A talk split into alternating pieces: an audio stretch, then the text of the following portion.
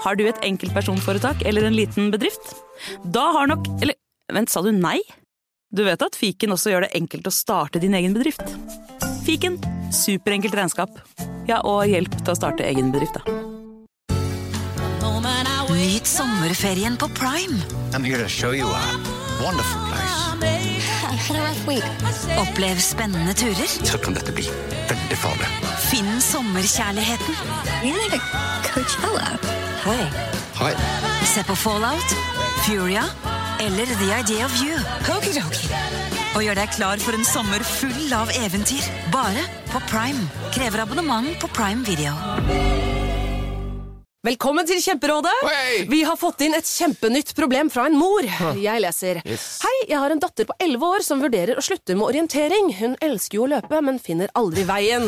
Og jeg må sitte så lenge i bilen og vente. Ja, Yes, men ja dette her har jeg opplevd selv, faktisk. Og løsningen for meg ble da Maps på mobilen. Ja, hun er jo under 13 år. og Da får hun 5 gigabyte data for bare 149 kroner med Telenor. Oi. Hun bør jo sjekke ut nye mobilabonnement på telenor.no, da. Yes!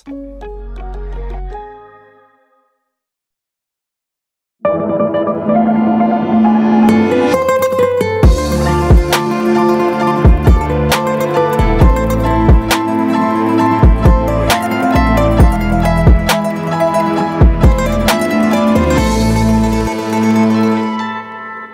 Velkommen til Gangsterpodden, podkasten for alle som elsker gærne gangstere. Og du er jo i aller høyeste grad en av dem, Jim. Ja, det er jeg. En av de største gangsternerdene vi har her til lands. Ja, jeg mener i hvert fall det selv. Du er ikke det, eller du var ikke det. Du er på vei, føler du selv, eller? Det er jo på en måte min eh, reise i denne podkasten. At jeg skal bli eh, mer og mer hekta. Jeg, jeg, det, det kommer seg veldig. Jeg, Ja, du føler aldri deg mer hekta? Jeg, jeg er glad i gangstering. Jeg har bare ikke sett så ut sinnssykt mye som det du har gjort.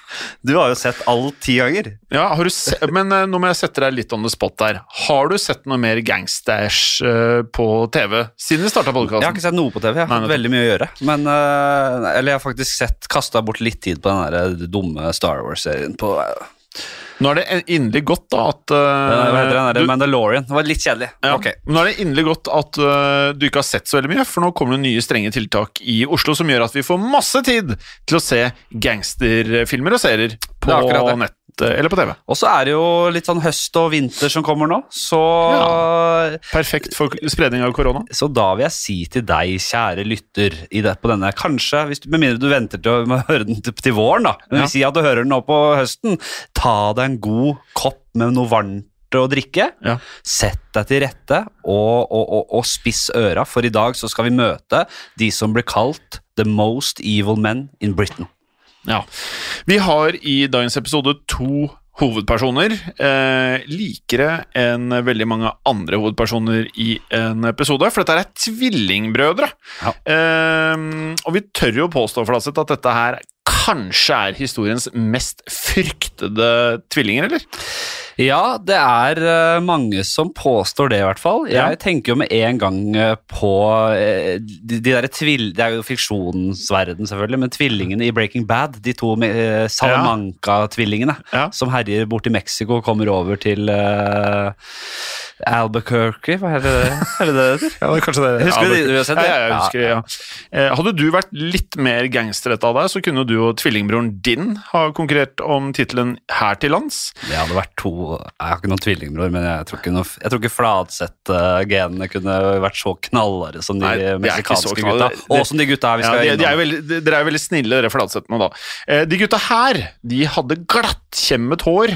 Eh, ofte så ble de spottet i skreddersydde, nydelige silkedresser og med matchende slips til sånne deilige eh, eh, eh, handkerchiefs, som det heter på Ja. engelsk. Sånn, så- sånn silkehandkerchiefs, da. Um, de så ut som noen eh, flotte, pertentlige engelske gentlemans, men dette var altså karer med liv på samvittigheten, Fladseth. Eh, dress og finkjemmet hår. Eh, det er jo typisk old school gangster, dette her. Eh, og det var akkurat det disse gutta her ble inspirerte av. Eh, de ville ta gangsterstilen, typisk Al Capone og de italienske, amerikanske gangsterne, og, og rett og slett videreføre den kulturen til Storbritannia. Ja, de hadde store drømmer, og, og disse to tvillingene holdt jo da på i England. De holdt noe voldsomt på i England. Eh, veldig, veldig mye på. Ja, veldig mye holdt de på i England. Nærmere bestemt London, og deres navn var Reginald og Ronald Cray. Vanligvis eh, på folkemunne da, kalt eh, Reggie og Ronny, og det er det vi skal omtale, eh, omtale dem som eh, utover her. Eh, disse gutta var legender i Londons East End, og de ble ansett som gangstere og høflige gentlemen på en gang. Ja. Og det er ofte sånn de hardeste gutta holder på Jim. Ja, det er litt uh, sånn det er. Eh, litt som andre gangstere vi har pratet om i Gangsterpodden tidligere. Eh, eksempel den japanske yakuzaen er jo flinke på å fremstå litt som elegante karer, da. Mm. men man måtte da ikke bli lurt av Cray-tvillingenes pene dresser, for dette var utrolig brutale karer som er å anse som blant de aller mest hardbaka kriminelle eh, gangsterne i Storbritannias historie. Mm. Reggie og Ronny Cray de ble født eh, den 24. oktober 1933. De var som sagt eneggede, eh, eneggede derfor identiske. Eh, Cray-familien eh, kom fra ganske så fattige kår. Da den andre verdenskrig gjorde sin entré, som man sier så fint, i 1939, så flyttet Cray-familien til en av datidens fattigste områder, Valence Road i East End i London. Og dette var nærmest en getto med mørke puber, gambling, bordeller, høy kriminell aktivitet og uh, høy arbeidsledighet. Og alt dette her, bortsett fra arbeidsledigheten, er jo ting vi kan like, Fladseth. Ja, det blir mye godt, god gangsterpod ut av det. Ja, det blir jo det. Uh, Og så skal vi legge til da, at området ble faktisk bombet under krigen. Men Cray-familien de klarte seg, og tvillingene vokste opp da i all denne ulumskheten og kriminaliteten. Brødrenes far og bestefar hadde en stor lidenskap for eh, noe viktig i, eh, i kriminelle sirkler, og det er å kunne slåss, nemlig boksing, som de også forsøkte å engasjere brødrene i. Mens vi er inne på da det, brødrenes bestefar, så er det greit å eh, nevne litt mer om han. Ja, for fordi- han var, han var rå Ja. type. Eh, veldig rå type. Han het Jimmy Lee, men gikk under kallenavnet Southpaw Cannonball. Og noe råere enn det skal vel godt gjøres, Flatseth, å hete. Ja, hør, Fortell litt hva han drev Ja, med. ja, han hadde vært eh, bokser, og etter det en fast del av det lokale revyteatret, som ikke er helt ulikt din livsstil, Flatseth. Nei, bare stryk at jeg starta med boksing. Jeg hadde én brytetime da jeg var liten, Men så drev ikke, revy. drev ikke du og Berrum og flørta med karatetimer, da? Jeg var ikke, nei, jeg, jeg, jeg, jeg hadde én brytetime, sier jeg. Ja. Jeg har aldri vært noen slåssmann. Du dro ikke på karate, nei? Nei. Ehm, og der eh, underholdt eh, Jimmy Lee med både sang og dans, men også med triks som å gå barbeint over flaskekorker av metall, og å stryke metallpinner som hadde ligget i flammer over tungen. For Henrik, Ja. Ja, det er, det, det det er, harde greier, da. ja, i hvert fall uh, disse flaskekorkene av metall klarer jeg ikke helt å relatere til at det skal være så vondt. Men jeg tror de var litt mer ruglete og jævlig, de Ja, flaskekorkene på den det tida. colakorker, høres jo ikke så gangstret ut, akkurat det. da. Rå type, denne bestefaren. Uh, brødrenes far han reiste mye, og han hang også mye med East Ends store gangstere på denne tiden. Uh, han var veldig mye borte i tvillingenes oppvekst. Han stakk også fra, fra stakk unna militærtjenesten, Ja. noe også sønnen hans etter hvert skal gjøre. Det kommer vi tilbake til. Eh, så denne faren han var mye borte fra hjemmet, og eh, passet på at politiet ikke skulle ta han rett og slett for eh, militærforsømmelse. Moren deres, Violet, ha- eh, for det meste av seg tvillingene, og deres eldste bror, for de hadde en bror til. Eh, og moren sørget for at de alltid hadde rene og pene klær, og at de forsto verdien av respekt og av høflighet. Begge tvillingene begynte tidlig med boksing, som nevnt, og deltok i utrolig mange bokseturneringer. Og kom blant annet til landsfinaler i juniorboksing, som da var for hele Storbritannia. Og selv om tvillingene var like av utseende, kom forskjellene mellom dem frem i bokseringen. For Reggie han var utrolig flink, men forsiktig og rolig av seg, og lyttet ofte til rådene han fikk. Men Ronny var det motsatte. Han holdt ingen ting tilbake i bokseringen og var alltid på offensiven og kastet seg ut i enhver duell med alle krefter han hadde. Ja, dette skulle følge dem egentlig resten av livet. Denne- Mildt sagt. Ja, mildt sagt. Eh, eh, selv om de var veldig like i utseendet, så var de altså forskjellige når det kom til personlighet. Men likevel så var de gode venner, og de tilbrakte veldig mye tid sammen. Eh, knyttnevene deres hvilte heller ikke utenfor bokseringen, for å si det sånn. For Reggie og Ronny var nærmest magneter for trøbbel og bråk allerede fra ung alder.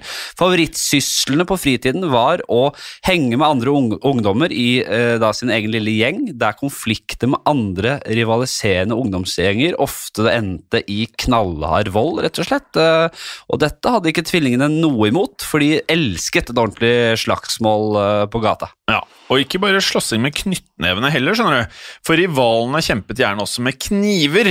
Eh, dette var, eh, som man da skjønner her ut fra beskrivelsene, ekstremt harde ungdomsgjenger. Jeg selvfølgelig ikke opplevd noe i nærheten av dette. der. Jeg tror ikke du heller har, uh, Fladseth, eller? Nei, det stemmer. Nei, det Stemmer. virker ikke sånn.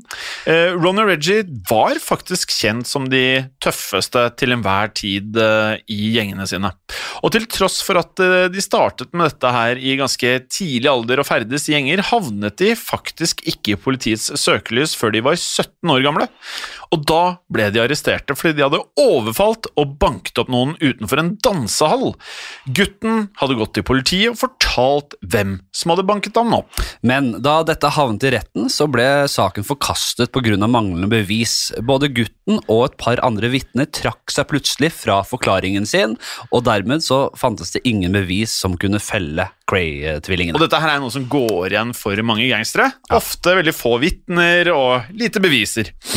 Eh, vi kan jo her også anta at vitnene hadde fått noen solide trusler om hva som ville skje dem dersom de vitnet, selvfølgelig. Eh, Cray-brødrene de gikk, som du sa, fri, og gikk inn i en, eh, her en profesjonell karriere som eh, boksere i tiden fremover. Eh, dette fikk de imidlertid ikke holde på med eh, voldsomt lenge, fordi tvillingene fylte 18 i 1952, og da banket nemlig nevnte militære på døren.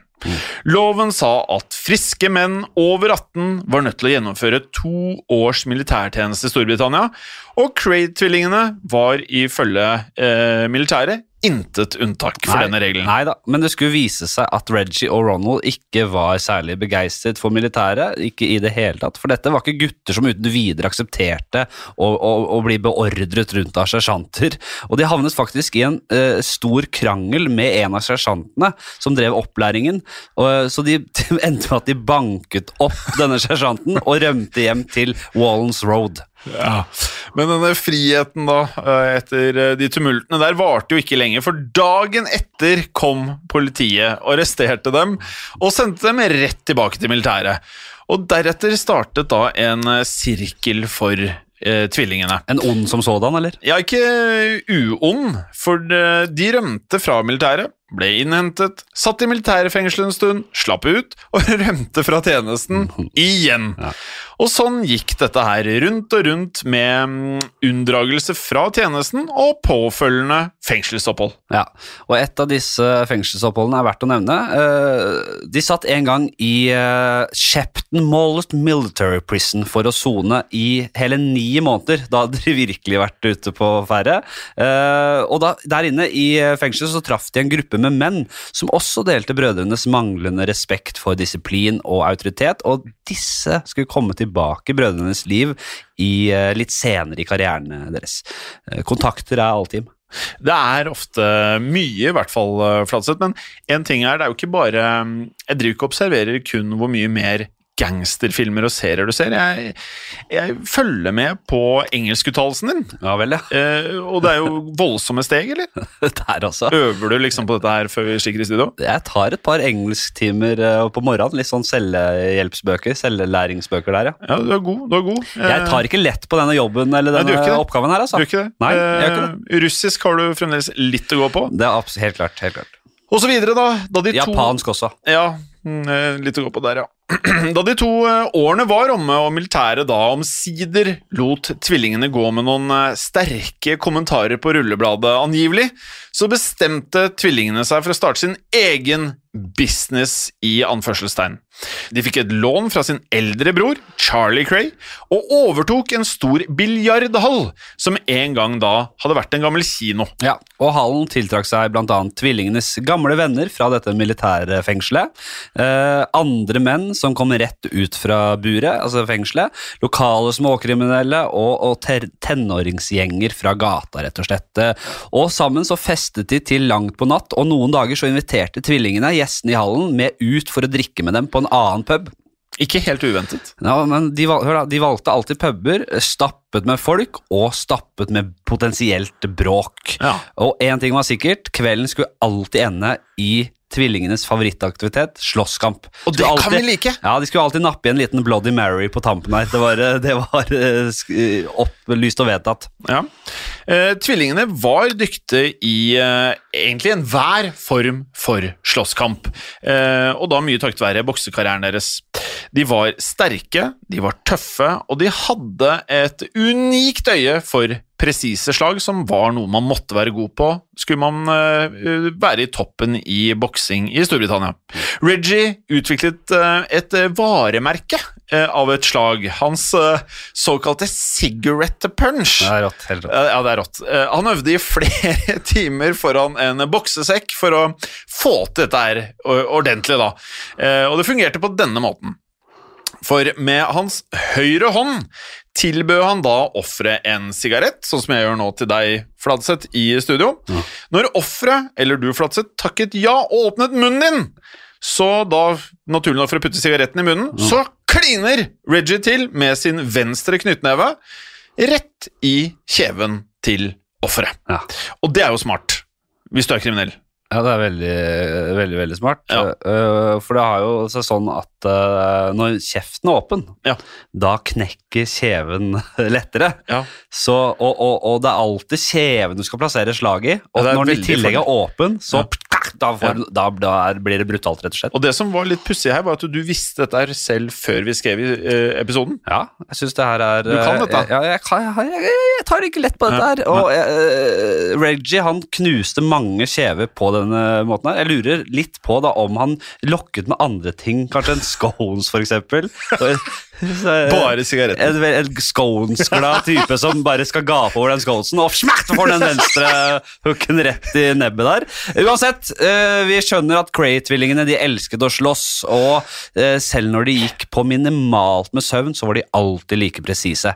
Eh, en gang så skal Ronja ha drukket hele 55 flasker med øl på en natt. Det er mye. Men, men, men Flatseth, vi må legge til her at eh, dette her er jo ikke eksakt vitenskap. Dette Nei her da. er hearsay. Men 55 flasker, hvis det er sant, ekstremt imponerende. ja, jeg er helt enig. Det, er sånn, det, det var ikke lite, i hvert fall. Kan vi ikke si det, da? Det er det som har blitt sagt, og det, var, er det vi det var ikke to flasker. Nei, det var ikke to. Det var, Det var heller eh, ikke seks. Nei, det var nok godt Si, si, si mellom 20 og 50, da! Ja. Mellom 20 og 50. Ja, og det er mye. Ja. Uh, og neste dag, med alle disse ølflaskene nedi posen, så skal han visstnok ha vært like våken og oppegående som alltid, fullstendig uten tegn uh, til det som burde vært en hangover ut av en annen verden. Og da skjønner man at de gutta her er jo på et litt annet nivå enn oss, iallfall, Henrik. Um, og det var på denne tiden at eh, Ronny virkelig gikk inn for imaget han hadde drømt om lenge, der han ja, importerte da denne gangsterstilen til Al Capone og andre amerikanske flotte, nydelige gangstere, slik han så det. Han begynte å kle seg i bredskuldrede, fine dresser med ringer på fingrene og solide klokker på håndleddet. Gjerne svære gull, gullklokker store som gjøkur. Og etter hvert fulgte broren etter, altså Reggie, og adopterte også lignende image som tvillingbroren sin, som da ville være dette her italiensk-amerikanske gangster-image, altså. Ja, og Ronny Cray han var i sitt ess i biljardhallen og på pubene. Han nøt dette gangsterlivet. Ronny var han som var eh, hardest i bokseringen. Ja, ja. Han som ikke Han som bare var knallhard og helt eh, psycho. Eh, og han begynte å møte en gjeng med unge gutter gutter på en kafé med jevnlige mellomrom, og han kalte denne gjengen for My Little Information Service. Og han betalte dem eh, penger da for å overvåke hus, klubber, eller til å følge etter noen og rapportere tilbake eh, til eh, Ronny hva vedkommende hadde gjort. da. Guttenes jobb var med andre ord å skaffe Ronny informasjon han var interessert i, holde han oppdatert på hva som foregikk i det kriminelle lokalmiljøet. Og det er svært, det var veldig veldig viktig for han å holde oversikt, og det kjenner vi jo igjen fra andre gangstergreier også. Jim. Og her Henrik, så aner vi nå at ting begynner å bli organisert. Mm. Nå organiserer Cray-tvillingene seg. Og det er jo ikke uvanlig i gangsterverden, og enhver uh, ihuga fan av Narcos og andre serier uh, på dette nivået her, vet jo at ungdomsgjenger er viktig i å rapportere når det kommer politi og andre rivaliserende gjenger. Og snart så fikk brødrene god fortjeneste ut av denne biljardhallen også. Reggie og Ronny de presenterte den som en sånn bortgjemt eh, bule, et trygt hjemsted utenfor politiets radar, eh, der kriminelle da kunne komme og møtes eh, for å diskutere ulovlige forretninger og eh, nye ideer. Hallen ble også et vanlig gjemmested for tyvgods, der tvillingene gjemte dette unna, voktet tyvers gevinst og fikk igjen en god sum penger for det. Det blir nesten som eh, Sopranos uh, Satrialis, altså uh, butchershoppen i New Jersey, hvor Tony Soprano og gutta henger. Et eller annet sted må de jo henge. Ja. Og slik vokste både makten og formuen sakte, men sikkert for tvillingene. Og særlig Ronny var jo da opptatt av å virkelig skaffe seg berømmelse i tillegg. Eh, gangsterlivet var alt han brydde seg om, men Reggie var ikke like opptatt av dette med volden og biljardhallen som hans tvillingbror var. Han ønsket seg et godt liv også utenfor den verden her med gangstervirksomhet. Gjerne med både kona og også familie. Dette var av null interesse for Ronny, men de skal ikke ha kranglet om dette. Og Reggie han stilte alltid opp for tvillingbroren sin, og sa aldri nei til en skikkelig slåsskamp. Ja. Eh, i, innen 1956, eh, da brødrene var 22 år gamle, begynte tvillingenes navn å bli mer og mer kjent i East Ends underverden. Eh, de begynte snart å markere sitt territorium ved å kreve en viss prosent av tyvgods og ulovlig profitt fra lokale kriminelle i området. De utvidet også forretningene sine til uh, ulovlige gamblingbuler, som vi vet er veldig vanlig i disse miljøene.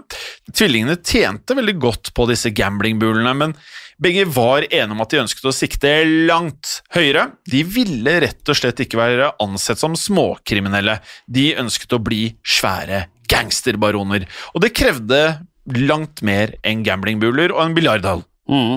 Og sakte så begynte ting å forandre seg i eh, Cray-tvillingenes nære kretser. De unge småkriminelle ble erstattet med mer erfarne kriminelle. Mange av dem drev med ulovlige forretninger, ikke sånn småtteri som stjeling og det surret der. Og det ble slutt på gjengkamp, gjengkamper der eh, man satte i gang slåsskamper for moro skyld. Fra nå av så skulle det ligge gode grunner og strategisk vinning bak ethvert trekk Cray-brødrene foretok seg. Eh, de ble sentrum rett og slett av en bande med seriøse kriminelle, og denne banden ble kalt The Firm. Ja. Og her ringer det kanskje en bjelle eh, for noen av dere der hjemme i podkast-stolene. Ja, for The Firm er det nok mange som har hørt om, men som kanskje ikke vet er Cray-tvillingene, som er da det opprinnelige opphavet til uttrykket The Firm. Mm. Eh, videre nå begynte brødrene å tjene inn virkelig store penger. De arbeidet seg opp til å kontrollere et område på hele 36 kvadratkilometer. Eh, Der enhver tyv og også gamblingbule og mange puber og andre forretninger betalte tvillingene såkalte avgifter for deres eh, beskyttelse, da, om du vil. Og alle kjente til brødrenes eh, ja, hva skal man, dyktige og voldsomme bruk av nevene. Folk betalte, og ellers så visste de at de kom til å smake eh, vreden til tvillingene. De betalte også for eh, beskyttelse, faktisk da, i realiteten, fra andre gjenger. Så lenge de betalte The Craze, så ville The Firm ta seg rivaliserende gangstere som da prøvde å true forretningene med samme type beskyttelse. Navnet Cray ble kjent i byens gater, og mot slutten av 1950-tallet ble de kalt The Most Dangerous Mob in London. Ja, nå hadde Cray-tvillingene endelig blitt de baronene de hadde drømt om. da. Nå var det, nå var det, det var andre boller. Uh, som vi vet, så kan man ikke karre til seg makt på denne måten uten å få et par fiender på veien. I 1956 så angrep en gjeng kalt The Watney Streeters noen samarbeidspartnere av Cray-tvillingene. Og Reggie og Ronny de svarte med å planlegge et bakhold på noen av gjengens medlemmer på en bar. Men da de kom vandrende inn i baren, altså Reggie og Ronny, så viste det seg at gjengen, eh, motstandergjengen allerede hadde fått nyss om planene deres, og de fleste av dem forduftet med en gang. Kun én ble igjen, og Ronny dro han ut uh, på utsida av baren der og banket han noe alvorlig. Uh, han, rett hakket før han døde. En halv fik unna døden, eh, rett og slett. Angivelig så var han halvfik unna døden. Ja. Vi vet ikke hva som er sannheten, det er i hvert fall det som eh, sies. Uheldigvis for Ronny så ble han stoppet samme kveld av politiet, og identifisert av offeret som han da faktisk hadde banket opp.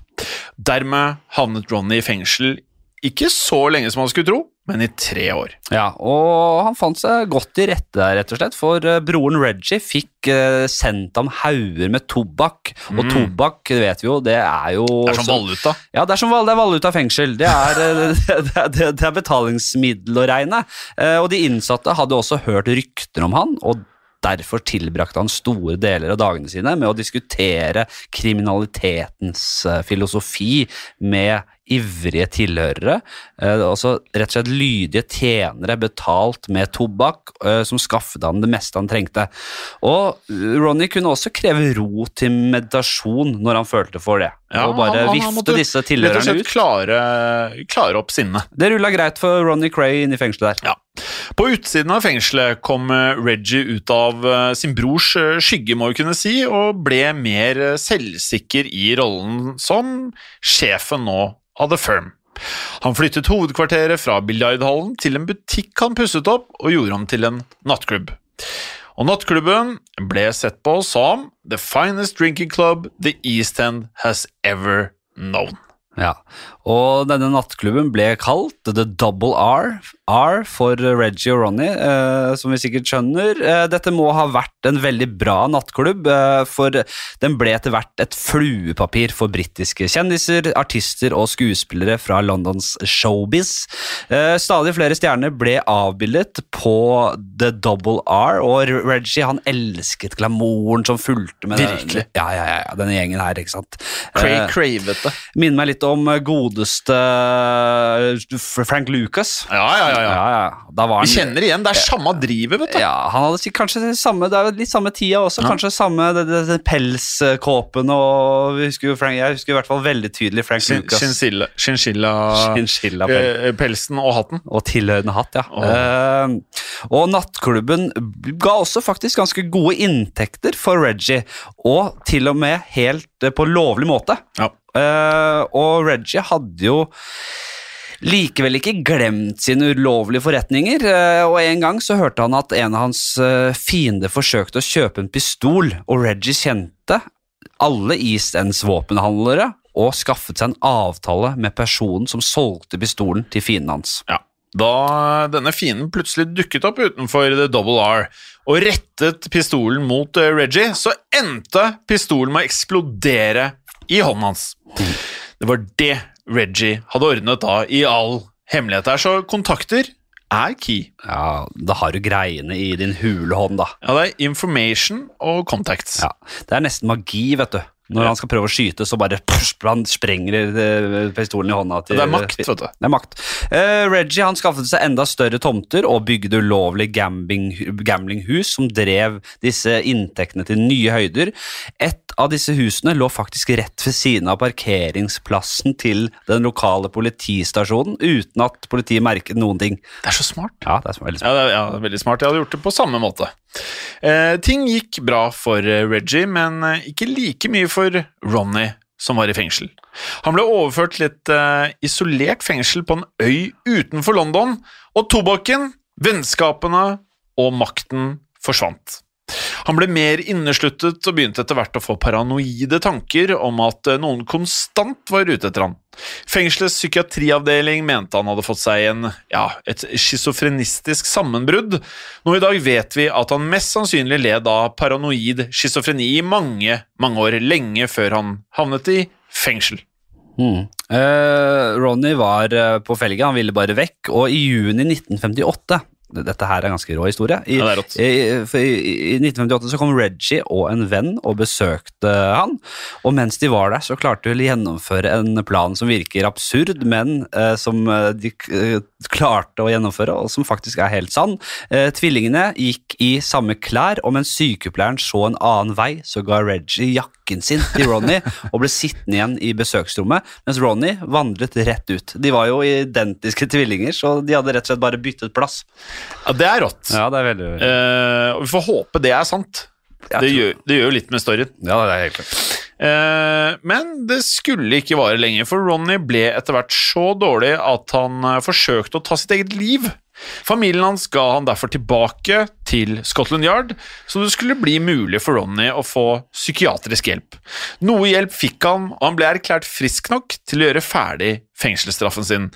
Han skulle videre komme ut i 1959. Ja, og nå kunne Ronny og Reggie drive The Firm sammen igjen, men Ronny han, ja, han hadde blitt enda mer voldselskende og mer aggressiv enn han var uh, før. Som vi kunne forventet. Ja, og han var i utgangspunktet ganske knallhard type. Altså. han var en rabagast nå var han rett og slett, i utgangspunktet. ja. Ja, nå var han en villstyring, rett og slett. Helt eh, crazy.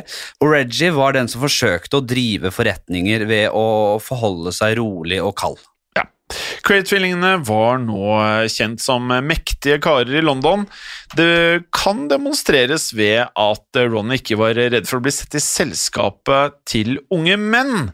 Han forelsket seg nemlig i menn, Henrik, og har senere beskrevet seg selv som bifil. Det at en viktig gangster ikke var redd for reaksjonene han kunne få ved å bli sett i romantiske situasjoner med andre menn, sier litt om makten Cray-brødrene hadde.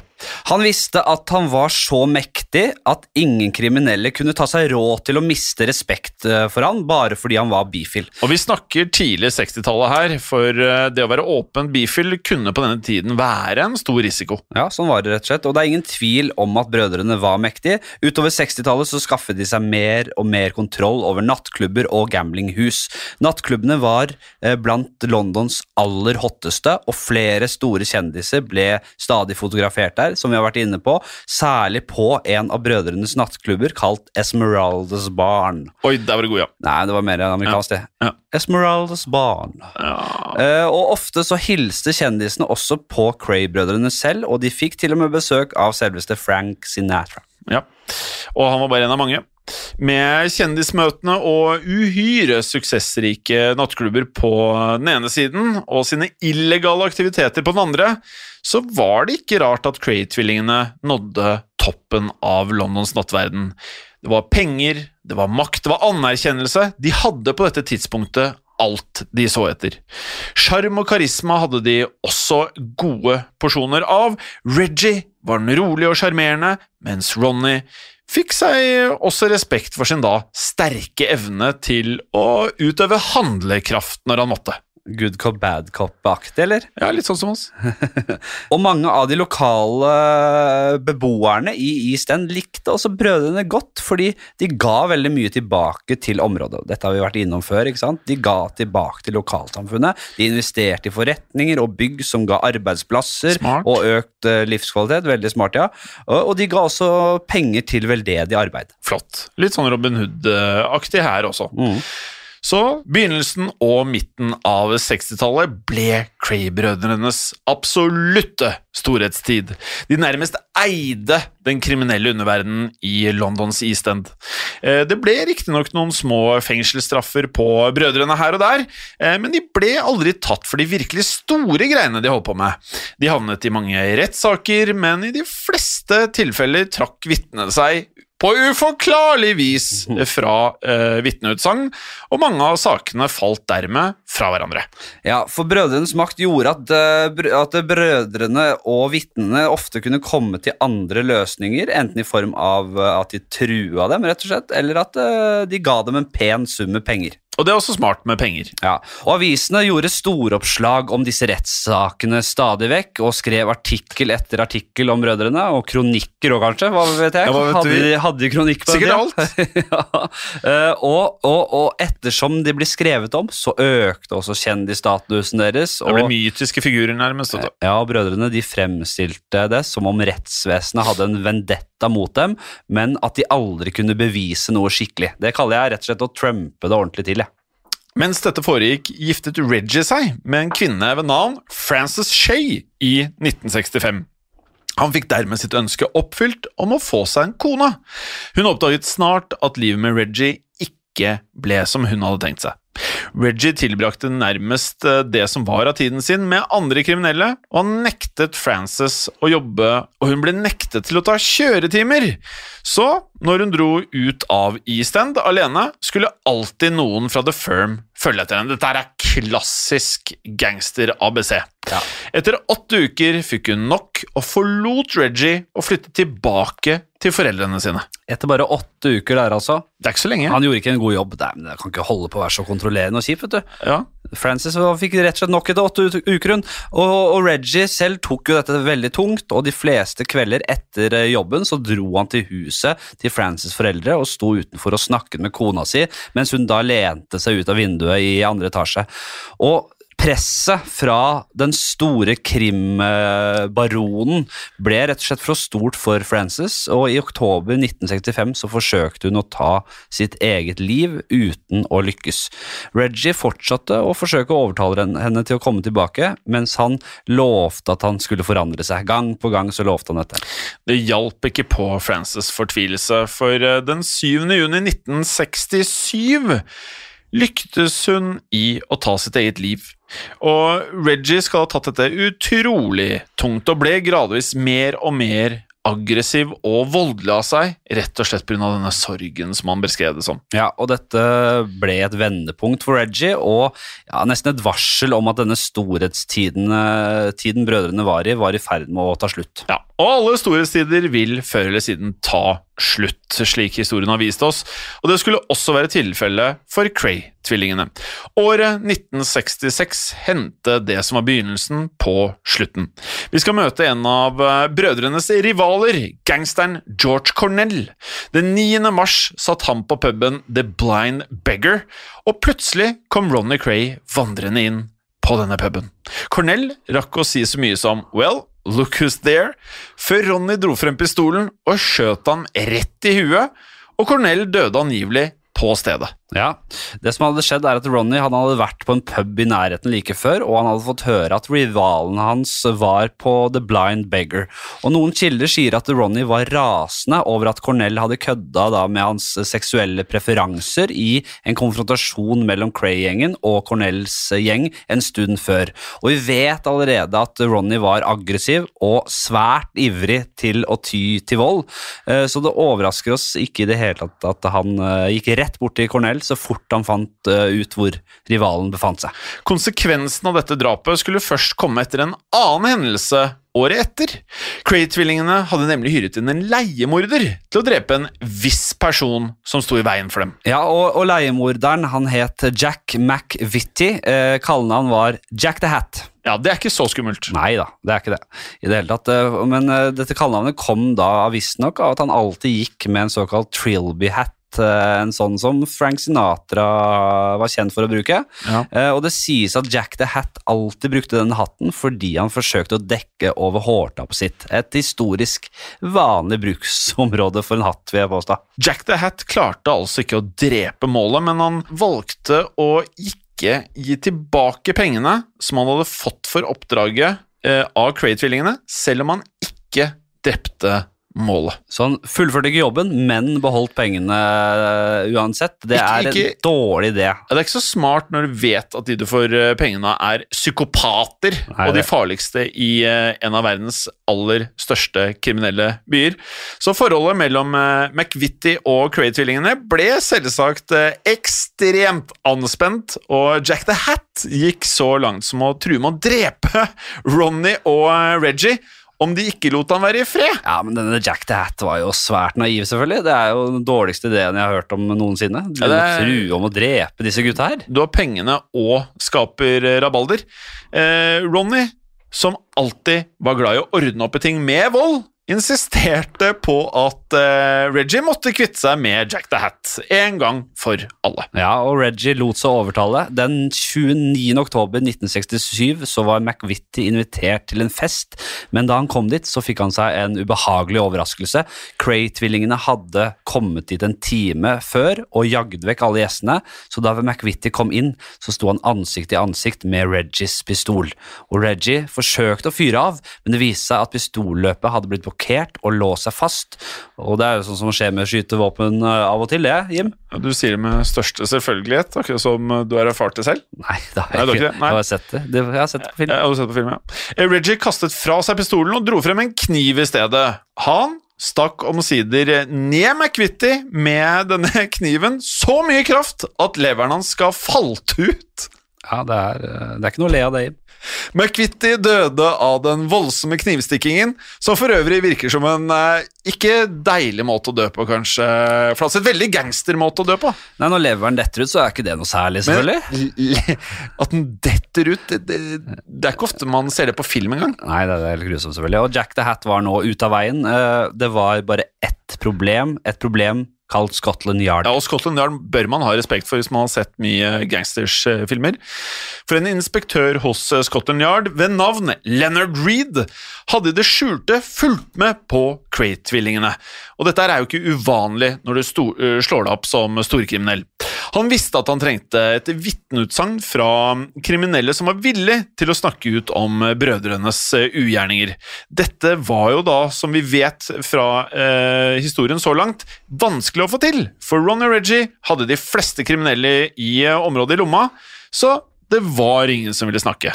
De fleste i lomma utenom Leslie Payne. Eh, og Leslie Payne var en tidligere alliert av Cray-tvillingene og mannen som Jack the Hat hadde fått beskjed om å myrde.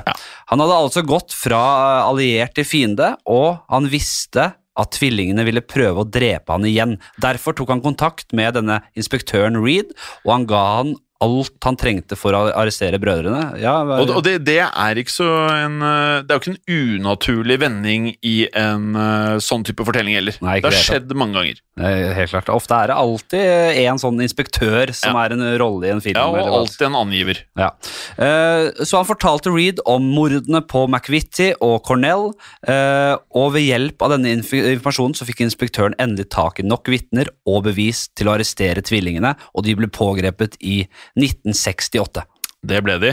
De ble dømt for eh, drapene og andre kriminelle ugjerninger, og fikk faktisk da livstid, begge to. Ronny ble sendt til et sykehus for eh, kriminelle pga. hans mentale helse. Likevel fikk han også tid til å gifte seg to ganger mens han satt i fengsel, og skilte seg også to ganger. Ja. Uh, Reggie han ga ut sine memoarer, uh, der også Ronny bidro med noen av sine historier, og dette var i 1988. Uh, Ronny skrev også en selvbiografi i 1994 kalt My Story, eh, ikke så originalt der, syns jeg. Eh, og Reggie skrev sin egen eh, selvbiografi eh, i 1991 med det litt råere navnet Born Fighter. Åh, det kan jeg like. Ja, Så da kan dere forsøke å skaffe dere noen av disse bøkene hvis dere trenger eh, litt lesestoff. Eller ikke. I 1995 døde Ronny av et hjerteinfarkt, og Reggie fikk omsider lov til å forlate fengselet for å være i begravelsen hans, riktignok i håndjern. Selv døde han i oktober 2000 av kreft. Ti dager senere ble han begravet ved siden av broren sin, og store folkemengder dukket opp i begravelsen for å applaudere brødrene. I mengde her, for å sette det i perspektiv, så snakker vi om flere tusen mennesker som sto utenfor kirkegården. Ja, og det sier jo alt om statusen til disse to gutta her. eh, Og det finnes fire filmer om dem.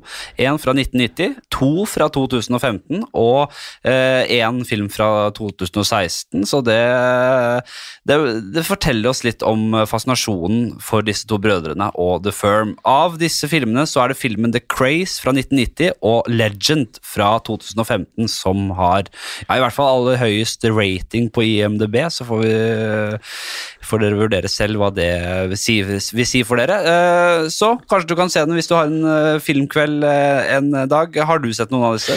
Du, det er artig at du spør, for at The Legend har stått på listen min lenge. Det er med en av mine favoritter, Tom Hardy i hovedrollen, som spiller begge tvillingene. Mm. Jeg har dessverre ikke fått sett den, men jeg overbevist om at den enten ligger på Netflix eller på HBO. Ja, Og så vet jeg at du har en helt rå gangsterlåt uh, til oss, uh, som ligger i den spillelista vi har på Spotify, da. Som heter uh, Gangsterpodden. Ja, Hva heter låta i dag, Jim? Låta jeg, eh, Hadde du hørt den før jeg spilte den av for deg? Ja, Du hadde det? Ja. Ja. Dette her er en låt som jeg håper mange av lytterne våre har hørt før. Det er eh, Psycho Killer av eh, Talking Heads. Eh, Et band som eh, figurerer i flere filmer, spesielt to av mine favorittfilmer. Og så kan man kanskje ikke kalle disse filmene for gangsterfilmer, men det, jeg vil jo si at menneskene i filmene oppfører seg ganske gangster. Den ene filmen er American Psycho med Christian Bale. Selv om boken American Psycho er vesentlig bedre enn filmen, så er filmen Nå må du ikke spore helt av her nå, Jim. Eh, nei. Og den andre filmen er Wall Street. Altså ikke uh, Wolf of Wall Street, den originale Wall Street. Michael Douglas. Michael Douglas og selveste Charlie Sheen Mm. i uh, hovedrollene. Og dette her er en av mine absolutte favorittfilmer. Og Gordon Gekko, som har hovedrollen i Wall Street, han er også en gangster. Så for meg, dette her er kanskje ikke tradisjonelle gangsterfilmer, men de er allikevel gangster. Det er en rå låt, eh, og så må vi minne om at dere kan følge oss på Instagram. eh, Gangsterpodden der, og så er det Historie for alle på Facebook. eh, Og vi kommer vel til å smelle et par bilder av disse tvillingene i dressene sine der. Vi håper det. Eh, vi har hatt eh, en litt svakere runde på Instagram eh, den siste uken, men vi kommer sterkere tilbake denne uka her. Helt klart. eh, Så er det bare å smelle de stjernene dere ønsker å smelle inn på iTunes. Eh, Vi setter jo pris på fem, det gjør vi alltid. Eh, Men, ja, vi gjør jo det. Ja, vi gjør vi det. kan ikke tvinge dere. Nei, vi kan ikke vi tvinge dere. Kan ikke tvinge noen. Fram til eh, vi høres neste uke, så gjenstår det for meg å si eh, hold dere unna fiskene. Men hold i gangster.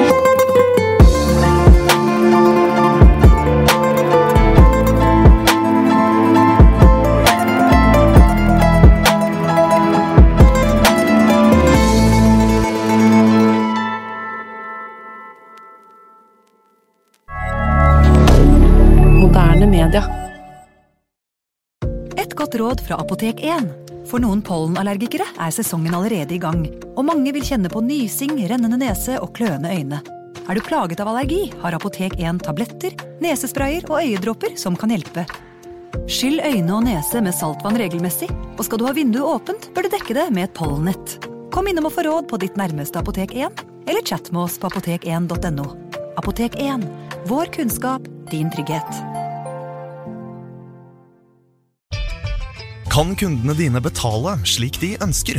Med betalingsløsninger fra Svea øker du sannsynligheten for at kundene fullfører et kjøp, fordi de finner sitt foretrukne betalingsvalg. Svea vår jobb, din betalingsløsning. Enklere, raskere. Nå er det maifest i Kiwi. Det feirer vi med å presse prisene på frukt og grønt, reker, wienerpølser og mye annet. På ca. 1,3 kilo wienerpølse fra Gilde presser vi prisen fra 117 helt ned til 99 per kilo. På størrelse 70-90 frosne reker i løsvekt presser vi prisen fra 99 helt ned til 89 per kilo. Og på 5 kilo reker presser vi prisen fra 399 helt ned til 349 for hele esken. For det er vi som er prispresserne, og vi i Kiwi gir oss aldri på pris.